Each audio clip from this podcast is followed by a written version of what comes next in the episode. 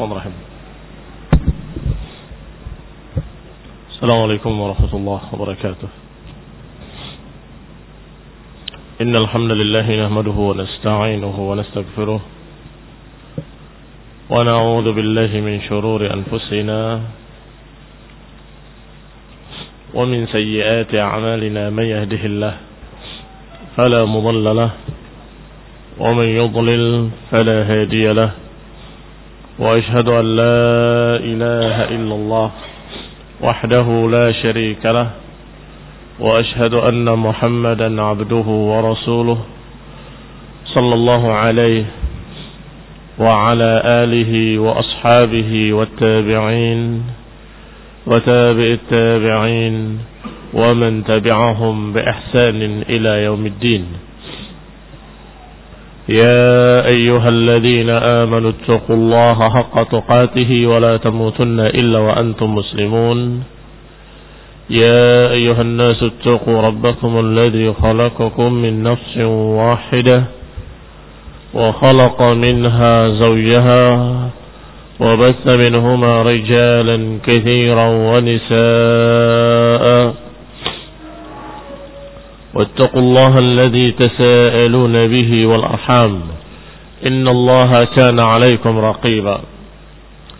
يا أيها الذين آمنوا اتقوا الله وقولوا قولا سديدا يصلح لكم أعمالكم ويغفر لكم ذنوبكم ومن يطع الله ورسوله فقد فاز فوزا عظيما. أما بعد فإن خير الحديث كتاب الله وخير الهدي هدي محمد صلى الله عليه وعلى آله وسلم وشر الأمور محدثاتها فإن كل محدثة بدعة وكل بدعة ضلالة وكل ضلالة في النار. إخواني الدين أعزكم الله كمسلمين شهرمتي Kita lanjutkan kajian kitab Syarah Al-Aqidah Tahawiyah. Aqidah Tahawiyah oleh Abu Ja'far At-Tahawi rahimahullah dan disyarah oleh Imam Ibn Abdul Aziz Al-Hanafi rahimahullah. Dan kita sampai pada ucapan musannif rahimahullah wa innal Qur'ana kalamullah. Bahwa Al-Qur'an adalah ucapan Allah Subhanahu wa taala bukan makhluk. Ucapan Allah Subhanahu wa taala minhu bada yang dimulai dari Allah Subhanahu wa taala disampaikan kepada nabinya melalui Jibril alaihi salam. Tidak ada yang menentangnya dari kalangan ahli sunnah kecuali mereka-mereka yang memang menyimpang dari jalan sunnah kelompok-kelompok sesat dalam berbagai macam bentuk dan alirannya yang sudah kita sebutkan pada kajian yang lalu mereka merasa berat untuk menyatakan bahwa Quran ucapan Allah SWT. Mereka merasa tidak terima kalau dikatakan Allah berbicara. Apa syubhat mereka? Kata Ibn Abdul Aziz Al-Hanafi, wa ghayatu syubhatihim, puncak syubhat mereka, anahum yaquluna yalzam minhu tashbih wa tajsim. Puncak dari syubhat mereka adalah kalau kita katakan berbicara, maka yalzam minhu tashbih wa tajsim. Maka konsekuensinya berarti Allah itu sama dengan makhluk berbicara. Wa tajsim berarti Allah memiliki jisim, anggota badan. Karena mereka berpikir kalau berbicara berarti ada mulutnya, kalau mulut berarti ada lidahnya dan seterusnya. Fayuqalu lahum. Maka perlu dijawab syubhat mereka ini.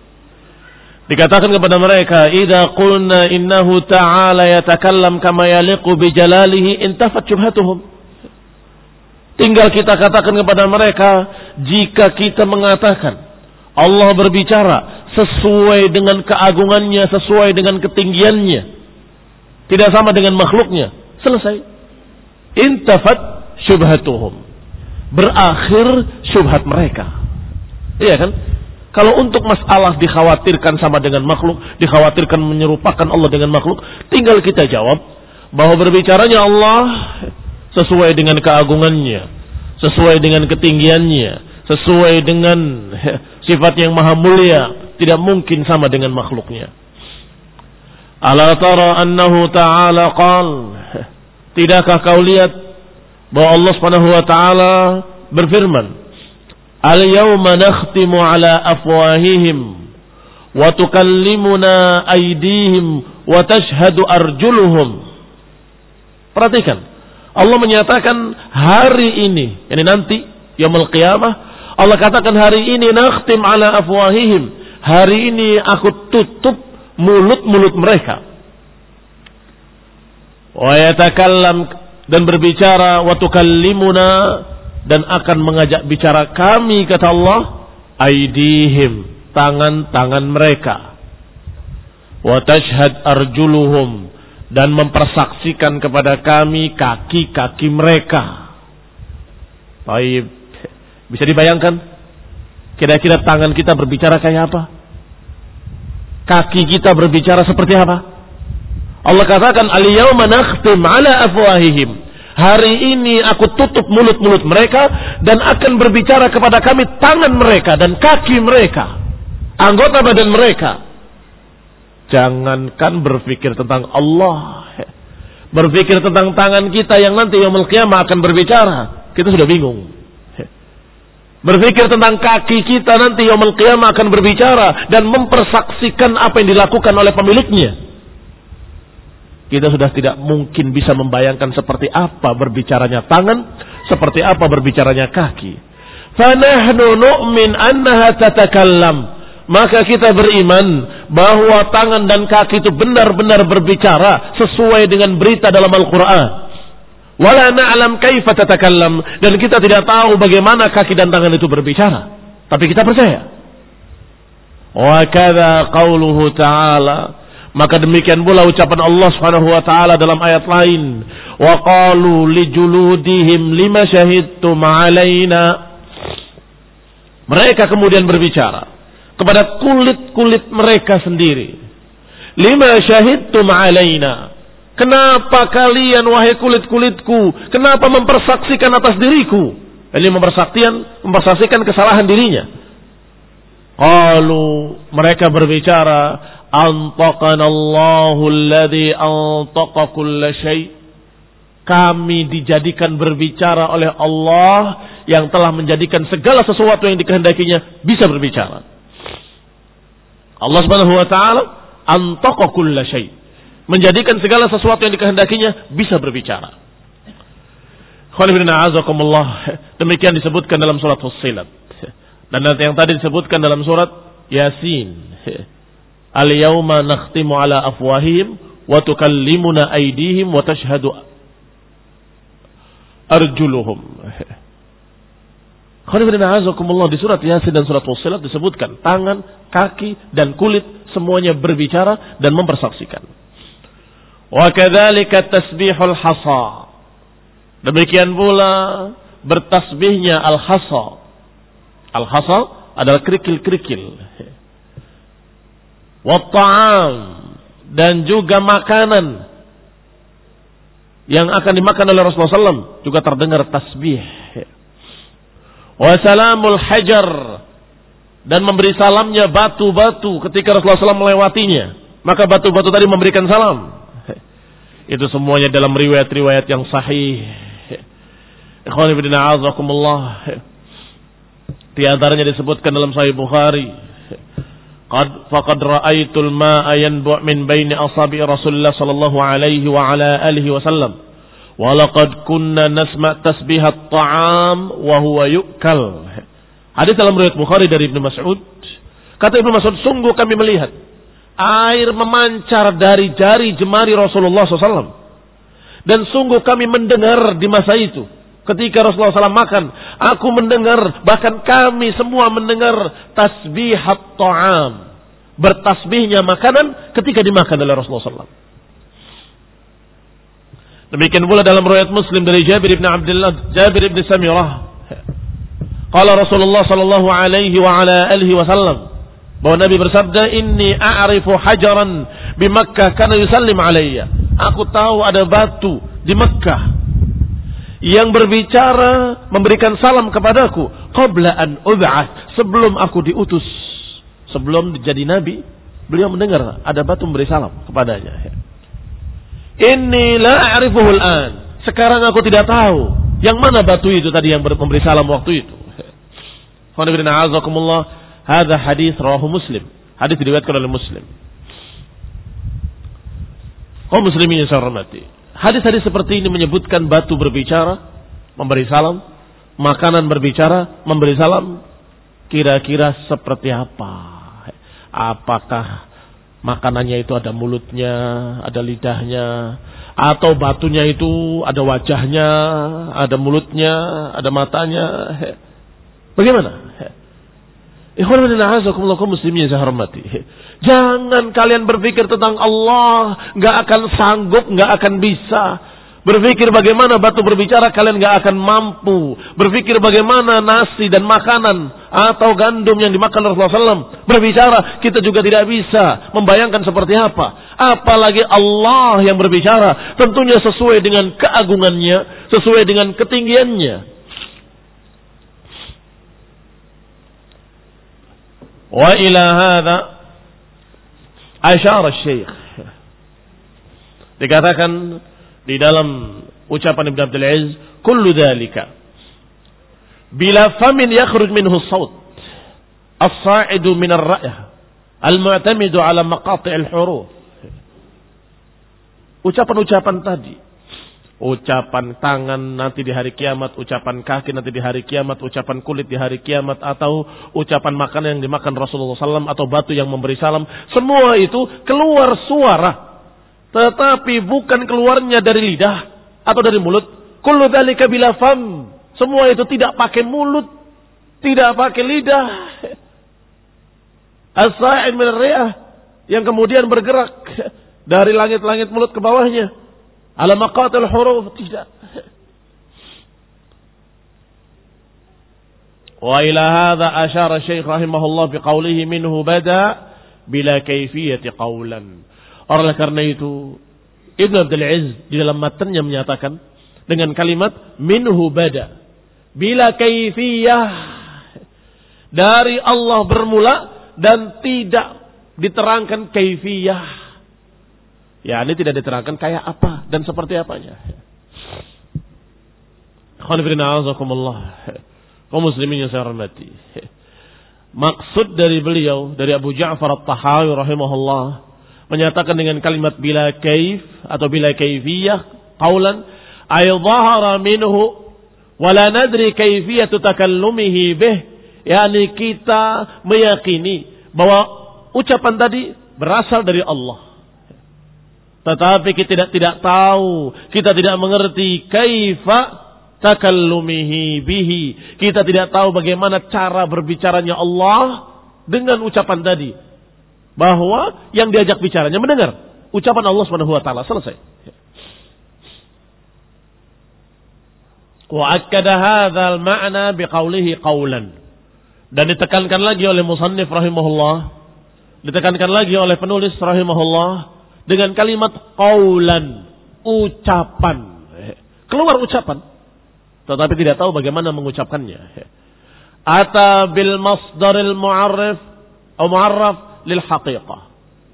Didatangkan masdar qaul tetapi diberi keterangan. Ini menunjukkan hakikat ucapan benar-benar ucapan. Akkad Allah Ta'ala taklim bil masdar al-muthbit lil haqiqah. Sebagaimana Allah Subhanahu wa taala juga memberikan masdar sebagai penekanan yang menetapkan bahwa itu hakiki, bahwa itu benar-benar ucapan. Wa kallamallahu Musa taklima. Wa kallamallahu Musa Allah mengajak bicara Musa. Sedangkan takliman sebagai maf'ul mutlak, yakni Allah Subhanahu wa taala benar-benar berbicara dengan pembicaraan. Mungkin ada yang berkata, kalau berbicara, ya tentunya dengan pembicaraan. Maka apa gunanya tak, kalimat takliman? Berbicara, pembicaraan. Sebagai takkid, bahwa ini adalah hakikian, bahwa ini benar-benar ucapan, bukan makna kias, bukan makna-makna lain, tapi maknanya benar-benar pembicaraan. Wa kallamallahu Musa taklima. Allah mengajak bicara Musa dengan benar-benar pembicaraan. An-nafi lil majaz. Kalau sudah disebut seperti itu dengan maf'ul mutlak disebutkan masdarnya, maka ini menunjukkan sesuatu yang tegas bahwa itu ucapan-ucapan yang bermakna makna hakiki. An-nafi li ma'nal majaz yang menyalahkan pemahaman yang majaz. Artinya bukan majazi, bukan makna kias. Kias bahasa Indonesia ya. Bukan makna kias. Kalau dikatakan ada singa datang ke podium berbicara dengan lantang. Singa berbicara dengan lantang. Maksudnya, pasti orang-orang itu akan mengatakan maksudnya mesti bukan singa beneran. Maknanya bukan makna hakiki, tapi makna kias. Yaitu maksudnya manusia yang pemberani. Baik. Tapi kalau orang itu mengatakan singa datang, singa, diulangi lagi, benar-benar singa. Maka orang itu akan menyatakan benar-benar singa ini. Tidak mungkin manusia. Kalau dikatakan kereta api menjerit-jerit. Tentunya kita akan mengatakan oh maknanya bukan makna hakiki. Iya kan? Maknanya bukan hakiki. Bersuara. Yang suaranya seperti menjerit-jerit. Begitu. Tetapi kalau kita berbicara sesuatu yang memang dia memiliki kekuasaan, kemampuan untuk menjerit, ya. anak kecil menjerit atau seorang wanita menjerit ketakutan, maka kita akan katakan bahwa itu mana hakiki. Tayyib, apakah Allah berkuasa? Allah maha kuasa untuk berbuat apa pun. Kenapa? Kita katakan, oh maknanya makna kias, bukan makna sebenarnya. Tidak. Makna hakiki, berbicara. Hanya saja, kita tidak tahu bagaimana Allah berbicara. Maka kalimat dari Allah Subhanahu wa taala wa kallamallahu Musa taklima ini musbit lil haqiqah an-nafi lil majaz. Menetapkan makna yang hakiki dan menyalahkan dan mengatakan bukan bermakna majaz, benar-benar takliman, bukan makna majazi, bukan makna qiyas, tapi makna yang sebenarnya. Fama idza ba'da al-haqqi illa ad-dalal. Fama ba'da al-haqqi illa dhalal. Kalau demikian, maka tidak ada setelah kebenaran kecuali kebatilan. Khonibina azakumullah kaum muslimin yang saya hormati. Walaqad qala ba'dhum li Abi Amr ibn al-Ala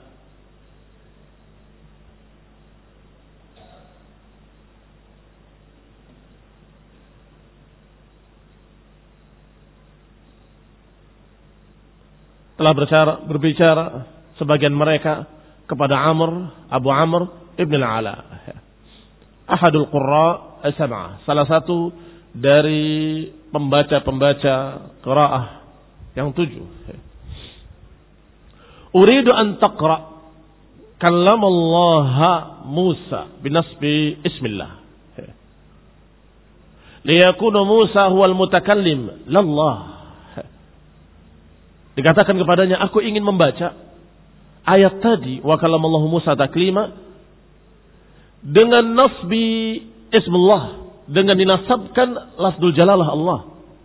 Berarti bukan wa kallamallahu tapi wa kallamallaha. Liyakuna Musa huwal mutakallim, la Allah. Agar yang berbicara itu Musa, bukan Allah. Dalam nahu kalau dikatakan wa kallamallaha Musa taklima, maka yang kedudukannya mansub sebagai maf'ul. Maka maknanya mengajak bicara Allah Musa. Berarti yang berbicara Musa. Aku ingin membaca dengan nasab pada lafzul jalalah. Dengan dinasabkan lafzul jalalahnya. Agar Musa lah yang berbicara, bukan Allah ta'ala. Kata seseorang kepada Abu Amr ibn al-Ala.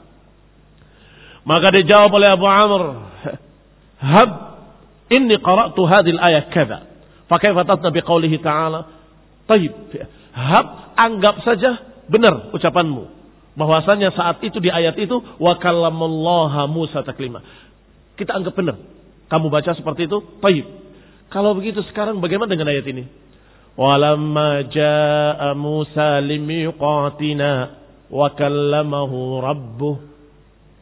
Ketika datang Musa limiqatina, ketika Musa datang memenuhi perjanjian atau memenuhi apa yang sudah dijanjikan kepada kami, wa kallamahu rabbuh dan Rabbnya mengajak bicara dia. Silahkan. Kalau kamu bisa, anggap saja bisa membaca tadi wa Musa taklima. Bagaimana dengan ayat ini? Wa kallamahu rabbuh. Silahkan para ahli nahu. Silahkan para ahli-ahli i'rab. Coba bagaimana kalian mengi'rabkan supaya Musa yang berbicara. Allah yang diajak bicara. Bagaimana? Wa kallamahu rabbuh. Apa yang mau dirubah? Wa kallamahu rabbuh. Wa kallamahu rabbah. Begitu?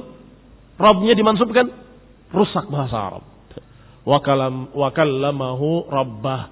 Begitu. Al-mansub sudah ada. Yaitu pada domir. Wakallamahu. Itu al-mansub. Domir yang ada padanya. Wakallamahu mengajak bicara dia. Sudah ada. Sisanya yang belum ada. Siapa yang ngajak bicara? Iya kan? wa kallamahu mengajak bicara dia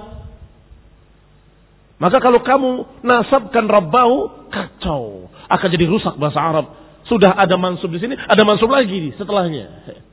Nggak benar akan ditertawakan oleh seluruh orang-orang Arab. Berarti sisanya tinggal marfu' wa kallamahu mengajak bicara dia. Siapa? Tinggal marfu'nya yang ditunggu. Jelas rabbuh selesai. Di sini tidak bisa ditakwilkan ke mana pun dan tidak bisa diotak-atik lagi. Demikian kata Abu Ala, kata Abu Amr ibn Ala, bahwasanya hab anni qara'tu hadil ayah. Taib, anggap saja aku membacanya, para korek-korek yang terkenal ini, aku membaca seperti itu. Taib, bagaimana dengan ayat ini?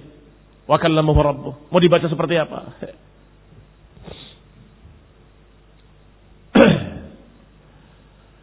Fabuhital mu'tazili.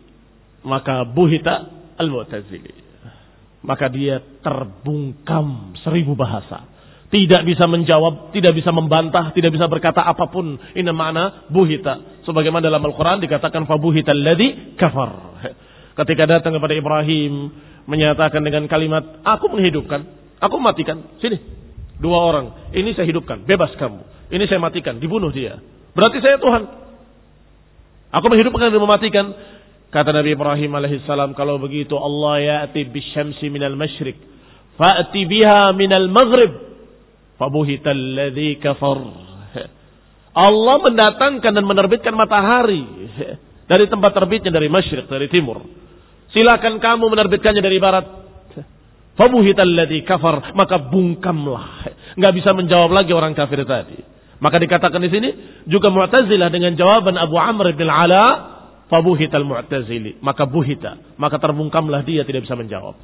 Wa kam fil kitab wa sunnah min dalilin dan betapa banyak dalam Quran dan sunnah dari dalil-dalil ala taklimillahi taala yang menunjukkan bahwa Allah benar-benar berbicara berbicara kepada penduduk surga ataupun berbicara kepada yang lainnya sangat banyak dalil-dalilnya di antaranya Allah berfirman dalam Al-Quran. Salamun qawlan min Rabbir Rahim. Salamun qawlan min Rabbir Rahim. Ucapan salam merupakan qawlan, ucapan dari Rabbir Rahim. Dari Allah yang maha rahim, yang maha penyayang. Mau dikatakan apa? Disebutkan dengan tegas dalam Al-Quran. Qawlan, ucapan dari Allah Rabbul Alamin. Fa'an Jabir dari Jabir bin Abdullah radhiyallahu taala anhu baina ahli jannah fi na'imihim sata'a lahum nur Ketika penduduk surga bernikmat-nikmat di dalam jannah, tiba-tiba ini bernikmat-nikmat di dalam kenikmatannya, tiba-tiba muncul cahaya yang sangat terang benderang. farafa absaruhum, farafa farafa'u absaruhum, maka mereka mengangkat pandangan-pandangan mereka melihat cahaya tadi. Fa'idar Rabbu Jalla Jalaluhu qad asrafa alaihim min fawqihim Ternyata Allah dalam keadaan sudah ada di atas mereka. Jalla jalaluh. Qad ashrafa alaihi min fawqihim. Faqala. Kemudian Allah berfirman. Assalamu alaikum ya ahlal jannah. Semoga kesejahteraan dan keselamatan atas kalian wahai penduduk surga. Inilah qaulullah ta'ala. Ini makna ucapan Allah. Salamun qawlam min rabbir rahim. Assalam yang diucapkan dari Allah Rabbur Rahim. Fala yatafituna ila syai'in mimma hum fihi minan na'im. Maka ketika mereka melihat Allah dan mendengarkan ucapan Allah, maka mereka tidak lagi menengok apa yang mereka miliki dari kenikmatan-kenikmatan. Yani lupa dengan kenikmatan-kenikmatan surga karena merasa nikmat melihat dan memandang wajah Allah Subhanahu wa taala. Madamu yang turuna ilaih sejak dia melihatnya dalam keadaan dia atau mereka penduduk surga tadi merasa lezat dengan memandang Allah Subhanahu wa taala. Hatta yahtajiba anhum wa tabqa barakatu nurihi hingga Allah kemudian terhijabi kembali dan kemudian tersisa barakahnya barakah dari cahayanya. Hadis yang disebutkan ini dhaif bahkan dikatakan dhaif jiddan tetapi hadis yang semakna dengan ini sangat banyak. Tetapi bukan berbicara tentang salamun qaulan min rahim. Tetapi tentang Allah subhanahu wa ta'ala menawarkan ziyadah. Dan itu diriwayatkan dalam Bukhari di antaranya. Ketika Allah subhanahu wa ta'ala menyatakan kepada penduduk surga. Apakah kalian telah mendapatkan semua yang aku janjikan? Mereka semua menyatakan sudah ya Rabb. Sampai kemudian Allah menyatakan kepada mereka. Maukah aku tambah? Maka mereka merasa terkejut. Tambahan, kami mendapatkan semua yang kami inginkan di surga ini. Dan kami mendapatkan demikian-demikian sampai kemudian Allah menyingkapkan wajahnya dan mereka memandang wajah Allah dengan nikmat dan mereka lupa dengan kenikmatan di surga. La yaltafituna ila na'imi fil jannah, tidak lagi menengok kepada kelezatan-kelezatan di surga itu. Sampai ketika Allah menghijabi kembali baru mereka kembali bernikmat-nikmat dengan surga sambil rindu kapan pertemuan dengan Allah nanti. Diriwayatkan oleh Ibnu Majah dan lainnya di hadal hadis isbatu sifatil kalam. Bahwa dalam hadis-hadis yang seperti ini menunjukkan penetapan sifat kalam bagi Allah SWT. Bahwa Allah benar-benar berbicara.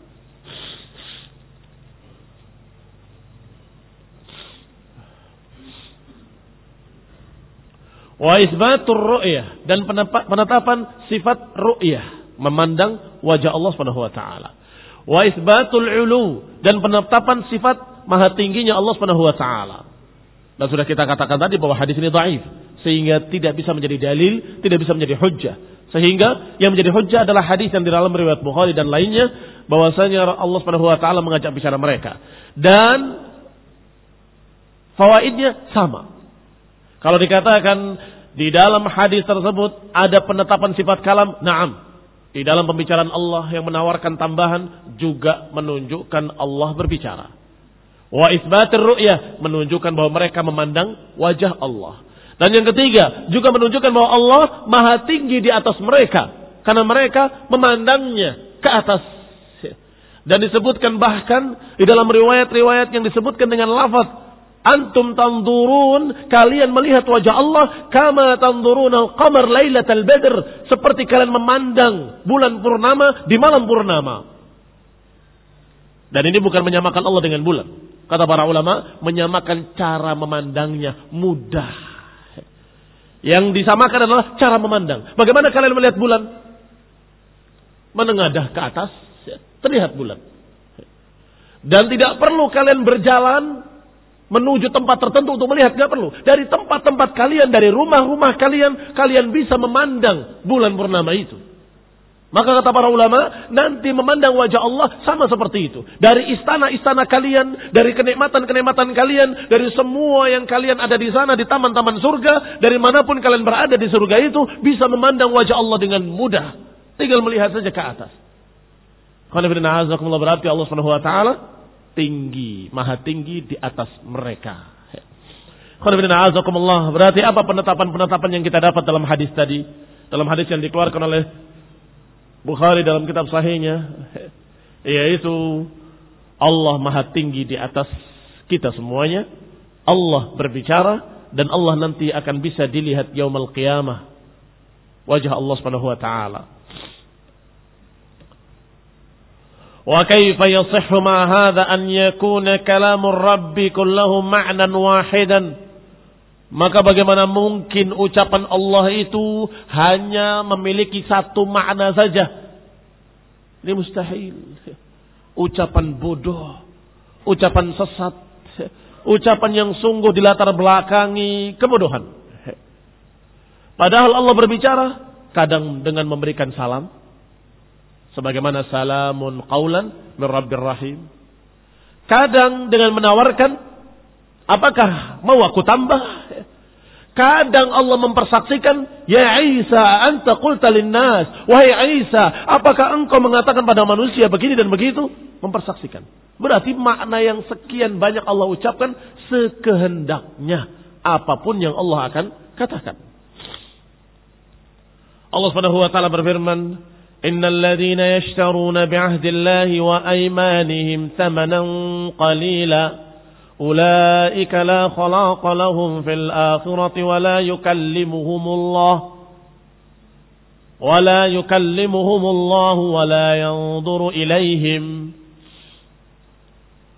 mereka-mereka yang menjual janji-janjinya kepada Allah dengan harga yang murah dengan dunia samanan qalila mereka jual semua perjanjian mereka kepada Allah dan sumpah-sumpah mereka kepada Allah. Mereka ganti, mereka tukar dengan harga yang murah. Semahal-mahalnya harta dunia itu sangat murah.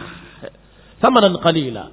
Maka kata Allah, ulaika la khalaqalahum. Mereka enggak akan mendapatkan bagian bagi mereka nanti di akhirat.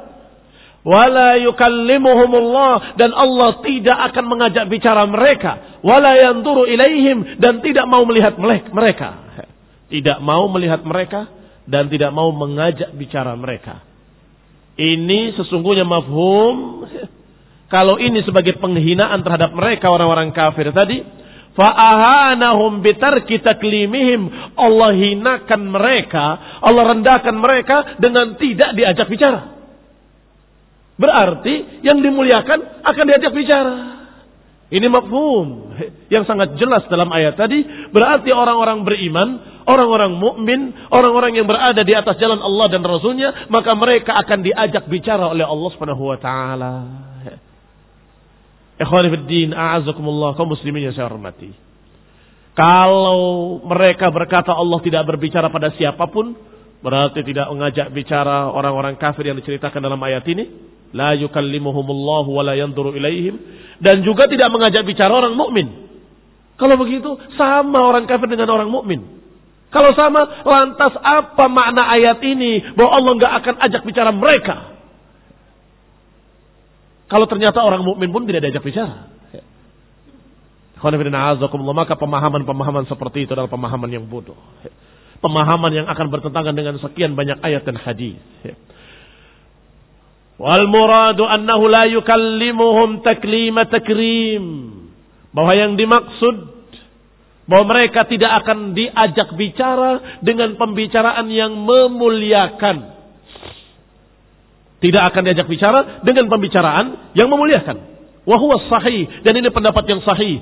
Kenapa? Kalau pembicaraan yang menghinakan ada.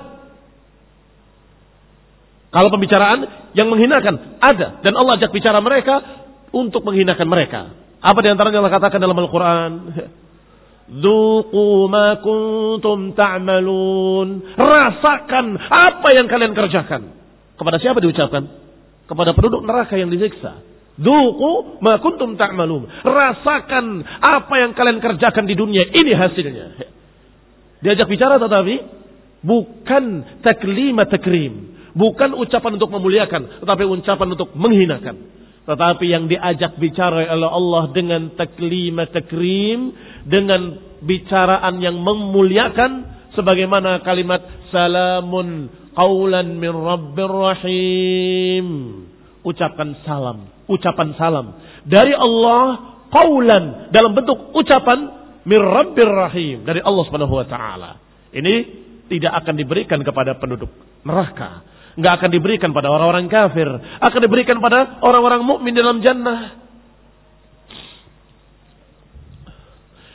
إذ قد أخبر في الآية الأخرى أنه يقول لهم في النار احسأوا فيها ولا تكلمون karena di dalam ayat lain Allah berfirman kepada penduduk neraka Allah katakan ikhsa'u fiha wala tukallimun yani silahkan engkau rasakan kesengsaraan di situ dalam neraka wala tukallimun dan kalian tidak akan bisa mengajak bicara. Falau kana la yukallim ibadahul mu'minin lakanu fi dzalika hum a'da'uhu sawa. Kalau Allah tidak berbicara pada penduduk surga dan juga tidak berbicara pada penduduk neraka, alias Allah tidak berbicara pada siapa pun, berarti orang-orang yang merupakan orang mukmin dan orang-orang kafir sama. Berarti disamakan antara orang-orang yang merupakan ahli jannah wa ahli nar. Maka ini sungguh kesalahan yang sangat fatal, kesalahan yang sangat besar. Karena Allah Subhanahu wa taala menyatakan afana ja'alul muslimina kal mujrimin malakum kaifa tahkumun kata Allah. Apakah kami akan menjadikan sama al muslimin dengan mujrimin kata Allah? Bagaimana kalian menghukumi? Bagaimana kalian menghukumi? Apakah kami akan samakan afana ja'alul muslimina kal mujrimin. Apakah kami akan samakan muslimin dengan mujrimin? Tidak mungkin disamakan. Kalau kalian berpendapat, wahai para mu'tazilah, wahai para penolak-penolak sifat, menyatakan bahwa Allah tidak berbicara, dan Allah tidak mengajak bicara siapa pun, Allah tidak mengajak bicara penduduk surga, dan tidak mengajak bicara penduduk neraka, berarti kalian menyamakan penduduk neraka dan penduduk surga, dan ini berarti kamu menyamakan orang-orang mujrimin dengan muslimin, dan Allah bantah. Allah bantah dengan kalimat, apa naj'alul muslimina kal mujrimin? Apakah kami akan samakan muslimin dengan mujrimin? Malakum kaifa tahkumun? Bagaimana kalian menghukumi kata Allah?